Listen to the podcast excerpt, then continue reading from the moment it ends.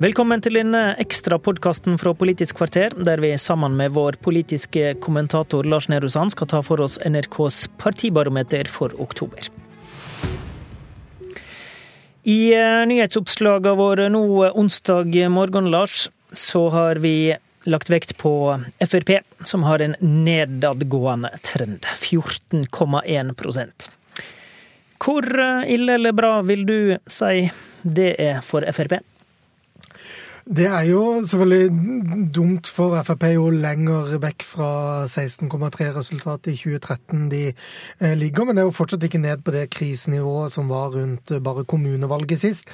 Eh, så isolert sett er ikke dette et aller verst eh, valgresultat for Frp, men det er klart det er, det er faretruende at man, at man går ned jevnt over tid og gjør da sin dårligste måling siden, siden november og velgerne går spesielt til, eh, til gjerdet, det gjør jo at Siv Jensen kan håpe på å eh, rekruttere de tilbake da, før det er valg om eh, ca. et år. Men kurva ser ikke bra ut? Kurva ser ikke bra ut. Hva er problemet deres nå, da? Hovedsakelig at de har lav lojalitet. altså Det er få av de velgerne som stemte Frp i 2013, som sier de ville gjort det nå. Og så lekker de til Arbeiderpartiet. Eh, der hadde de jo kanskje spesielt i, eh, under eh, flyktningkrisen, så mottok de jo veldig mange velgere fra Arbeiderpartiet. Nå er den pila helt snudd. Men vi ser også at det skjer en viss velgerutveksling mellom Frp og Høyre. Men akkurat nå så ser Frp ut til å faktisk tjene på det. Siden du nevner flyktningkrisa, er det da ironisk slik, tror du, at fordi det blir færre flyktninger, så sliter Frp med det? Det er nok en del av forklaringen. Eh, I tillegg så, så er det kanskje eh, vanskelig å se saker den senere tid hvor Frp har vært dominerende som et helt annerledes parti enn alle de andre. Nå er denne målingen tatt opp før dette eh, drivstoffpakken ble, ble, presentert før helgen. Ja. Men det er uansett sånn, tror jeg, at mange i Frp vil si det er flott at denne nedturen starter, når den først starter, før avgiftsopplegget blir blir eh, presentert, så man ikke får en debatt om at det var helt feil av Siv Jensen å gå med på eh, det eh, forslaget, i hvert fall til en kompromissløsning fra regjeringspartiet i møte med Venstre. Og de håper kanskje å markere seg på nettopp det drivstofforslaget? Ja, De mener jo selv i hvert fall at de fortsatt da er bilistenes eh, beste venn, og, og at de er gjenkjennelige. At eh, det at bilistene kommer positivt ut av den pakken totalt sett, eh, gjør at det å heve drivstoffavgiftene ikke skal føre til noen velgernedgang for dem. Så får vi se. Det er ofte budsjetthøsten, altså de høstmånedene fra nå i oktober og frem til jul, hvor regjeringspartiene, så i hvert fall i fjor, har gjort det dårligst. Og så har de krevd å ha litt eh, styrke da, i inngangen til den høsten. Eh, og så har man ofte kommet godt ut av det igjen på, på vårparten når vi skriver januar til, til, april, som har vært en god, eh, måned for, for regjeringspartiene. Men som du nevner, regjeringsslitasjen er egentlig ikke enorm. Dryge 20 dryge 2 prosentpoeng bak forrige stortingsvalg. Og den er enda mindre synlig hos Høyre. Ja, definitivt. Høyre gjør det som storebror i regjeringen veldig bra. De eh, oppnår 48 mandater denne måneden her. Det er det høyeste nivået de har vært på siden oktober i fjor. Det er det samme som de eh, har i Stortinget i dag? Nettopp. Og Høyre oppnår da en eh, oppslutning som er enten helt lik eller over 25% for fjerde gang i år. og Selv om det er under valgresultatet, eh, så ligger de eh, da veldig godt an. Og vi ser også at de får et eh, fortsatt flertall for de, for de fire partiene som utgjør stortingsflertall i dag. Og de ville da fått 89 mandater, fire mer enn man trenger for å ha flertall. Mens Støre på sin side ikke oppnår noe flertall med de skal vi si, realistiske koalisjonene han kan få. Betyr det at vi hadde fått samme regjering som i dag, da, hvis dette ble 2017-resultatet? Ja, Det vil jeg tro. Det er klart Arbeiderpartiet, Senterpartiet, KrF og MDG, eventuelt også med SV, kunne fått flertall. Det er en ganske stor kollisjon, og jeg vet ikke om KrF ville bytte side for, eh, for det. Og så er det også eh, spesielt eh, denne målingen her, at MDG er inne med fire mandat. Det har vi ikke sett snurten av i, i verken snitt av måling eller så mange andre enkeltmålinger. Nei, den må vi ta. MDG er under sperregrensa på 4% men er inne med fire mandat. Den var ikke så vanlig. Nei, og det er, det er mulig ved at MDGs velgere bor geografisk ganske konsentrert i noen fylker, mens SV-velgerne bor mer spredt. Og det gjør at selv om SV og MDG får 3,9% oppslutning, altså ikke over sperregrensen, som du sier. Begge, begge så, to har det? Ja. Begge to har lik oppslutning. 3,9. Mm. Og MDG får da inn et direktevalgt eh, distriktsmandat, som det heter på fint. Eh, to i Oslo, én i Akershus og én i Hordaland. Mens SV kun får inn representant fra eh, Oslo og Hordaland fordi velgerne deres utaktisk, får vi si, bor i veldig mange fylker, og man smører det utover, sånn at man ikke oppnår et direktevalgt mandat fra noen andre fylker enn de da rundt Oslo og Bergen. Et spennende dilemma. Skal man konsentrere øke innsatsen i enkelte storbyer, eller skal en prøve å passere sperregrensa på fire med å drive valgkamp i hele landet? Du, jeg tenkte vi måtte snakke litt om eh, Ap, som du var kort inne på. Fordi um, dette vil antageligvis ikke gitt uh, regjeringsskifte. Det skal drikkes veldig mange kaffekopper før den alliansen du peker på der var på plass for Ap, iallfall. Uh, men Ap gjør det jo for så vidt bra? Absolutt. Eh, og de har eh, for andre gang i år en eh, lojalitet på over 80% Det pleier å være en sikker indikator på at du skal gå frem i et valg. Hva, hva, hva, betyr det konkret? 80% lojalitet? Det betyr at 80% av de som stemte Arbeiderpartiet i 2013, vil gjøre det samme dersom det var valg i år. er i hvert fall det de har sagt til Norstat. Og denne måneden er det eneste partiet som har så mange eh, lojale velgere. Og så har de veldig få velgere på gjerdet. Og så eh, tjener de eh, på velgerutvekslingen med, eh, med, Høyre. Og det er gjerne de tre indikatorene som, eh, som, Ap kan egentlig håpe å gjøre det veldig bra på. Altså ha mange lojale velgere, få som ikke vet hva de vil stemme, og på en måte vinne den interne kampen med Høyre. Gjør Arbeiderpartiet det, så vil de isolert sett gjør et ganske bra valg i 2017. Og 0,1 prosentpoeng til, til, SV, da, så hadde de kanskje tatt regjeringsmakta på denne målinga?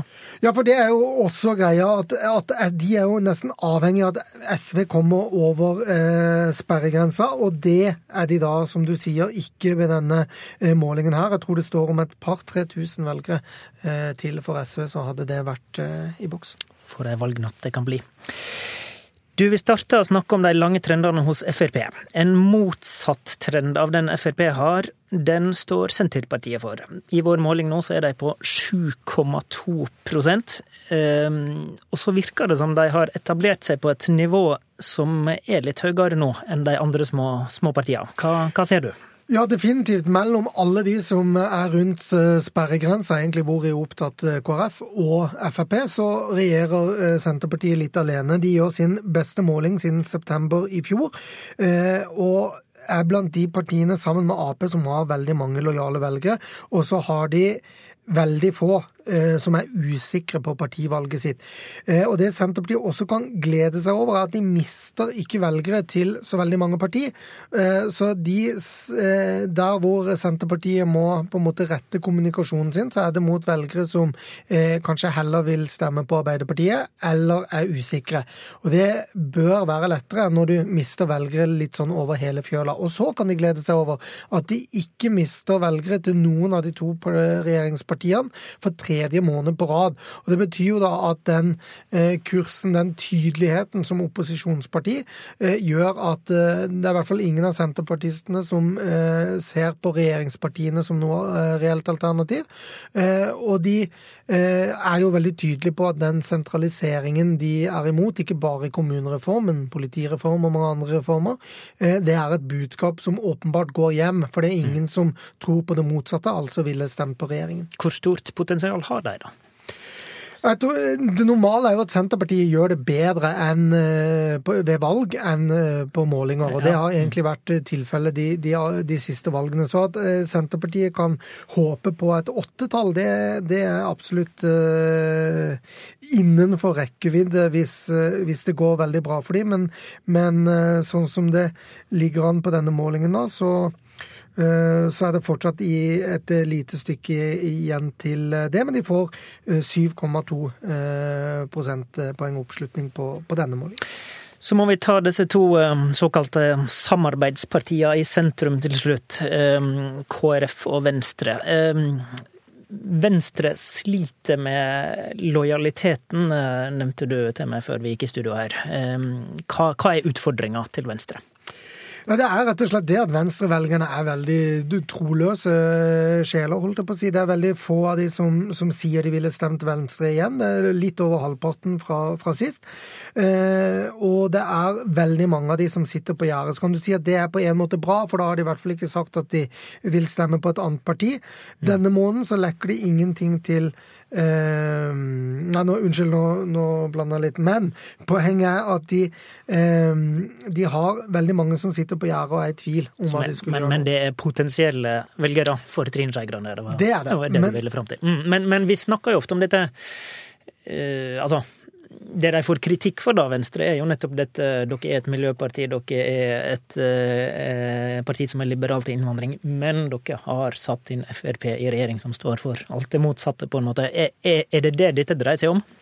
Det kan nok være noe av det, men det også, har vist seg før også at eh, venstrevelgerne midt i perioden er veldig i tvil om hva de skal gjøre. og Det betyr da at Venstre er både vant til, men også avhengig av å drive valgkamp helt inn til den aller siste, eh, eller til valgdagen. da. Eh, og det er jo når Venstres velgere også kan eh, like gjerne velge eh, rødt som blått, så, så tror jeg at eh, det eh, også viser litt hvilken skvis eh, Venstre er i. fordi noen, eh, riktignok færre som vil se til Arbeiderpartiet enn til Høyre, men jeg tror nok også mange vil stemme Høyre av Venstres forrige velgere. Så kan man si det er noen kanskje taktiske velgere fra sist, altså Høyre-velgere som stemte Venstre for å være sikker på at Venstre mm. kom over sperregrensa. Men det kan godt være de må gjenta den bedriften for at det skal skje også eh, neste år. KrF da, har mange målinger på firetallet nå. Er grunnfjellet stort nok? Nei, Det er et godt spørsmål. Det, for det som er tydelig med KrF, er at det går dårligere, men at de har en viss eh, lojalitet eh, i velgermassen, altså det man kan kalle et grunnfjell. Men det hjelper jo lite når de nå går ned for fjerde måned på rad. Ja, hva, hva er tallet? Nå får eh, KrF 4,2 eh, Det ligger noen eh, få, ja 8000 velgere fra sperregrensa. Det er små marginer, men de går da ned for fjerde måned på rad, som sagt. Har du noen forklaring på at KrF kjemper med denne grensa nå? Da? De var, sist hadde de 5,6 i valget, med, det er god margin til denne grensa. Hvorfor, hvorfor er det så, så lite å gå på nå? Den uh, gjengse forklaringen er jo at, at, det at man ikke helt vet hvilken side partiet vil samarbeide, uh, også tretter ut velgermassen litt. At noen sitter på gjerdet og venter litt på hva slags KrF er det vi får, uh, får se. så det er nok en del av forklaringen. Tror, tror, du det kan komme flere velgere når de faktisk har gitt et svar, da? Nei, Det er jo det som er krevende for, for Hareide også. Det er at han må nok regne med at det da også vil falle noen fra. jeg tror uansett hvilken side man man faller ned på, så vil noen av KrFs velgere si at det var feil side. Mm. Eh, og det gjør jo valget vanskelig da for, eh, for, partiet, og det er jo den skvisen man er i, i nå. Det tror jeg også de da gir eh, gjenklang på, på meningsmålingene. Vi vet at i mange av de fylkene hvor Kristelig Folkeparti gjør det sterkt, så er jo velgermassen tradisjonelt eh, borgerlig, mm. men den er kanskje også Eh, mange av KrF-velgerne da skeptiske til Frp, kanskje enda mer enn de var i 2013. Et um, svar, eller en uh, tendens til et svar, er varsla i november, så det ser vi da kanskje på vår desembermåling en stund fram til den. Politisk kvarter hører du hver hverdag på P2 Alltid nyheter klokka 07.45 til 8. Du kan, som du åpenbart har gjort, laste ned sendinga som podkast. Akkurat denne ekstrapodkasten fikk du kun som podkast. I studio under denne podkasten var vår politiske kommentator Lars Nehru Sand og programleder Håvard Grønli.